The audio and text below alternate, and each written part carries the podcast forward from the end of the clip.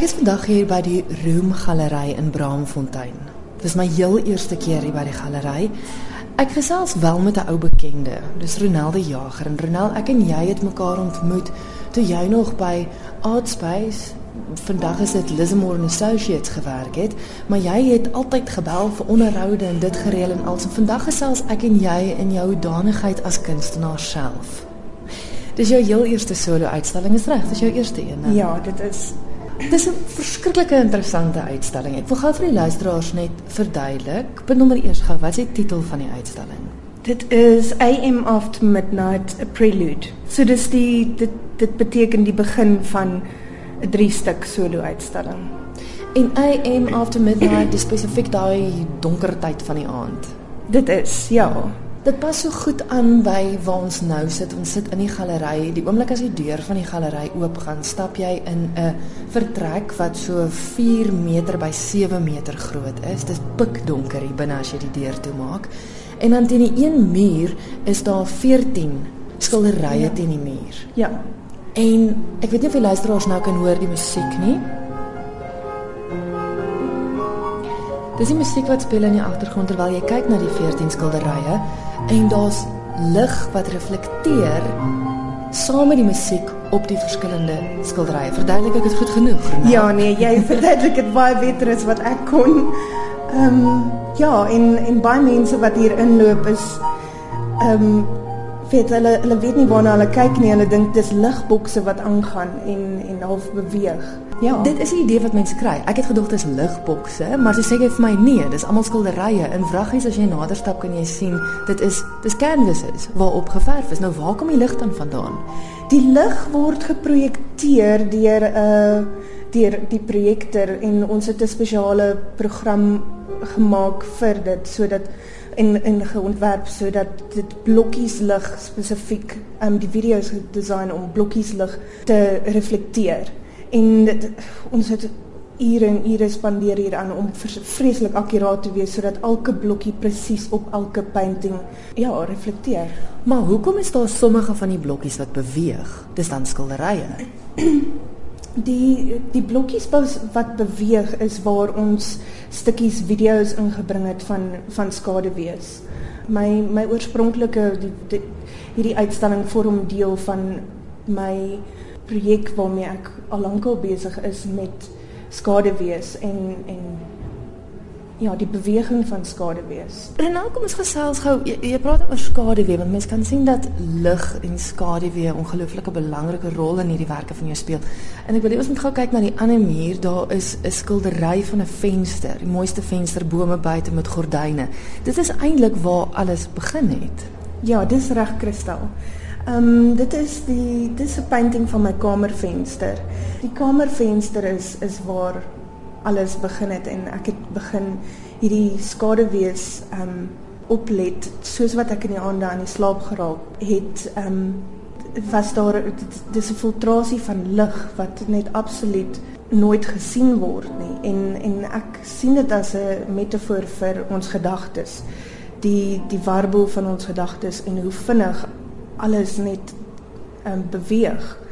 En as 'n mens of vir my althans soos wat ek in die aande aan die slaap geraak het, kom daar weet drukkende gedagtes na mens toe in wat deur jou onderbewussyn weet voorkom. Mm. Hoe- Dit sluit dan so goed aan by die by die blokkies wat beweeg, want dit is blare en as die blare wat beweeg en soos jy sê dis presies waarna jy gelê en kyk dit in die aande as jy in jou bed gelê Dit het. is. En en ek het nooit hierdie skaduwees agtergekom totdat ek werklik weet regtig dit werklik na dit begin kyk het nie. En dit is die mees ongelooflikste ding wat ek al gesien het en en dit is net altyd daar. Mense besef dit nie rondom hulle nie. En en ek sien dit en ek het dit 'n bietjie verder geneem en en soos wat hierdie gedagtes afgespeel het in my in my kop het ek begin besef maar dit is vir my 'n weerkaatsing van wat wat in my in my gaan en die, die manier hoe hoe vinnig gedagtes beweeg wat moeiende gedagtes wat in 'n mens se onderbewussyn vassit wat 'n mens nooit aandag aan gee nie. Kyk, een ding hiervan is dit dwing mense om stil te raak. want jy word geforseer om in die donker plekkie in te kom. As jy inkom, is daar 'n bankie waar daar vir jou sê jy moet sit. Dit is Jy jy word heeltemal afgesluit van die wêreld hier buite. En en soos ek verstaan, is dit ook een van jou doelwitte met die uitstalling is om mense hier te kry om net vir 'n oomblik stil te raak. Dit is, dit is definitief kristal. Um vir my deur hierdie proses het ek net besef hoe belangrik dit is dat ons net rustig word in onsself en begin besef wat werklik in in ons um in ons gedagtes aangaan en en aandag gee aan aan die ja, net rustig word en mm. en begin en reflekteer en en net goeders dit sulkie stadiger stadiger vat en kyk na die absolute beeldskone wêreld wat rondom ons is. Dit is so ironies dat dit aan die middel van Braamfontein is. Ja, nee. Ronel, as mens hier instap, dan sien mens die skilderye, jy sien 'n hospitaalgang, jy sien 'n halfgeëte pomelo, jy sien 'n kerktoring. Jy sien 'n straatlig en dis alles baie mooi en mens kry die idee van skadu en van lig en alles. Maar toe begin jy my vertel van die eintlike storie agter die uitstalling. En dan kry dit 'n heeltemal 'n nuwe betekenis. Ek weet nie of jy met die Ja. luisteraars net wil deel. Sure. Ja, ek weet dit is 'n baie persoonlike persoonlike storie, so Ja. jy's welkom om te deel wat jy wil deel. Ja, sjoe, Kristal, dit is dit het 'n baie persoonlike konnektasie vir my. en ehm um, maar dit ek dink daar is net soveel meer of vir vir die gehoor om ook ehm um, in dit te sien. Ehm um, vir my gaan hierdie hierdie werk is ge, ehm um, gededikeer aan my broer wat in laas jaar in Augustus 2013 oorlede is aan breinkanker. Um, My broer is gediagnoseer met breinkanker in Desember 2010. En hy het hy het agteruit gegaan vir 'n ruk en hy het so ongelooflik goed weer herstel. En ons was so ongelooflik um dankbaar daarvoor. En natuurlik, jy weet wanneer 'n mens deur so 'n proses gaan, jy weet as familie, dan kom 'n mens nader aan aan iets wat wat vir mens hoop gee. En en hierdie hoop was vir my weet hierdie ligwolke wat filtreer deur te- weet they must be light at the end of the tunnel tipe van dit. En um so elke werk het het nogal so 'n persoonlike reference na na- 'n oomblik in gedurende daai tyd. Um soos ja, ek het werklik die skaduwees begin agterkom toe toe hy gediagnoseer was en intussen het dit net aangehou en aangehou aangehou en um daar is die die pomelo um vir my nog altyd in my werk het ek probeer om 'n 'n oomblik van stilte en 'n oomblik van refleksie um probeer vasvang en en ek dink in hierdie werk eh, kom dit baie sterk voor. Um die P- Pomelo se titel byvoorbeeld is Here we are, where are you? Where are we? Um dis 'n oomblik waar jy net gaan sit en jy besef maar wat gaan werklik rondom jou aan? Wat, wat jy weet wat is jy besig om te doen? En dan natuurlik die die hospitaalgang wat um vir my oor die weet die tye wat ons in die hospitaal gesit het en die die titel van die werk se naam is Waiting for Meaning want in daardie tyd het gevoel asof wat is ons besig om te doen? Ek bedoel ons jaag deur hierdie hele het ons jaag deur hierdie proses van ons lewe en ons jaag net heeltyd oral terheen en ons dit dit beteken eintlik niks nie. Dit vir my het op daardie tyd het dit niks beteken om 'n uitstalling bymekaar te sit nie. Dit dit hoekom? Ja. Ehm um, dan is daar 'n 'n 'n painting van 'n kerktoring en dit was die dag van sy begrafnis. Ehm um, dit het dit het uh, jy weet dit is 'n kerktoring waar mense opkyk en jy sien die die sonlig deur 'n uh, palmboom Ja, ja. ehm um, deurkom en die painting se naam is This must be the end en tussen deur hierdie tyd het my ma altyd gesê everything will be okay in the end if it's not okay it's not the end Hierdie is 'n eerste van drie uitstallings. Hierdie is die prelude.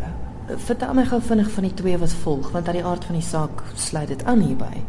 Dit is ehm um, die die tweede ja, ek het drie uitstallings. Ehm um, die eerste een is natuurlik the the prelude en die tweede een is an interlude. Ehm um, waar die derde een 'n uh, net I am after midnight is. Ehm um, die tweede uitstalling wat meer van 'n temporêre um, installasie is, 'n interlude, 'n beeld die oomblik van stilte uit. Dit is dis 'n dis 'n video ehm um, wat gemaak is van 'n uh, dis 'n kamera wat roteer op in die lug in. Mm. En so basically wanneer jy daarna kyk, dan uh, dan draai alles in die ronde en jy so jy word 'n bietjie dronk daarvan, maar Ehm um, die dit is sodat ehm um, die video stuk is er, dit is 'n roterende beeld ehm um, na die lig wat mense optrek in 'n unknown abyss. Mm -hmm. Weet dit dit maak jou wat dit so ek gevoel het op een stadium is is dat mense absoluut een word met ehm um, met die heelal. Mm -hmm. En die derde een? Die derde ene is ehm um, die gevolgtrekking en die opbou van die twee vorige uitstallings. Ehm um, daaroor gaan ek dit ook ek wil graag ehm um, ook ehm um, ligprojeksies gebruik en ehm um, 'n drywalling installation van van lewendige plante wat in die spasie ehm um, geïnstalleer gaan word. Ehm um, ja, dit en dan natuurlik paintings saam met dit. So alles is gemengde media en ja. Soos ek nou gesê het, ons sit in uh, the Room Gallery, dis hier in Braamfontein, maar jou volgende twee uitstallings is by twee ander gallerye en die die spasie sluit baie nou aan by wat jy met jou uitstalling wil sê. Jy die spasie om 'n spesifieke rede gekies. Nee, natuurlik.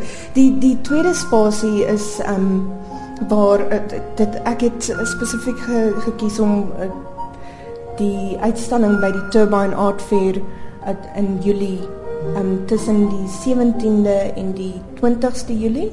Um het in een van hulle het sulke tonnels, sulke turbine tonnels en en ek wil graag die video op in die lig en projekteer sodat wanneer die die gehoor in hierdie donker spasietjie inkom dan dan sien dan moet jy opkyk. Ja om om daai ervaring regtig te kry van die werk. En dan die derde die derde uitstalling, ehm um, ek het spesifiek gesoek na 'n groter spasie. Ehm um, die derde uitstalling gaan by Lismore Associates wees in Februarie 2015.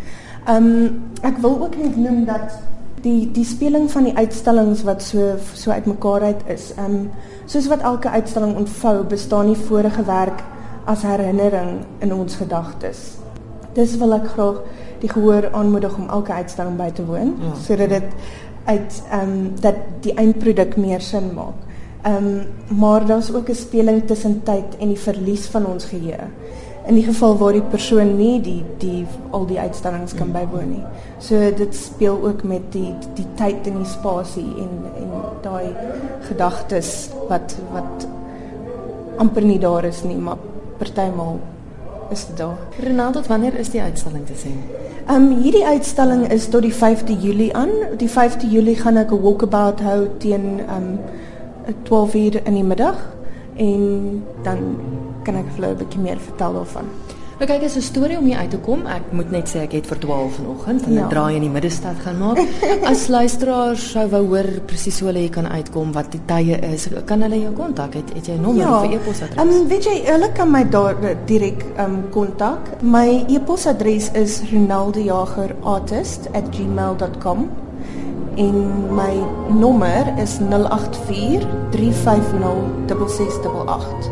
En ek wil ook net noem um op Saterdag kom hierdie dit die Juta precinct um kom dit absoluut um dis absolute vibe. Want dis 'n mark. Ook, ja, hier is 'n dagmark, 'n um, varsprodukte mark en um by die neighborhoods en dit is regtig baie nice om hier na toe te kom. So as jy 'n tydjie wil aan afstaan om rustig te word, dit is ek dink dit Ag, die moeite werd om te sien. Die moeite werd om te sien. ja. Ronel is baie beskeie. Ronel, baie dankie vir die kuier dankie dat jy jou storie met ons gedeel het. Baie dankie Kristal. Ek waardeer dat jy uitgekom het en ek hoop dat die luisteraars definitief ehm um, 'n draai kom maak want ek glo um, daar is 'n boodskap vir vir elke persoon en daar is 'n rede vir elke persoon wat uitkom en die moeite doen om om hiernatoe te kom.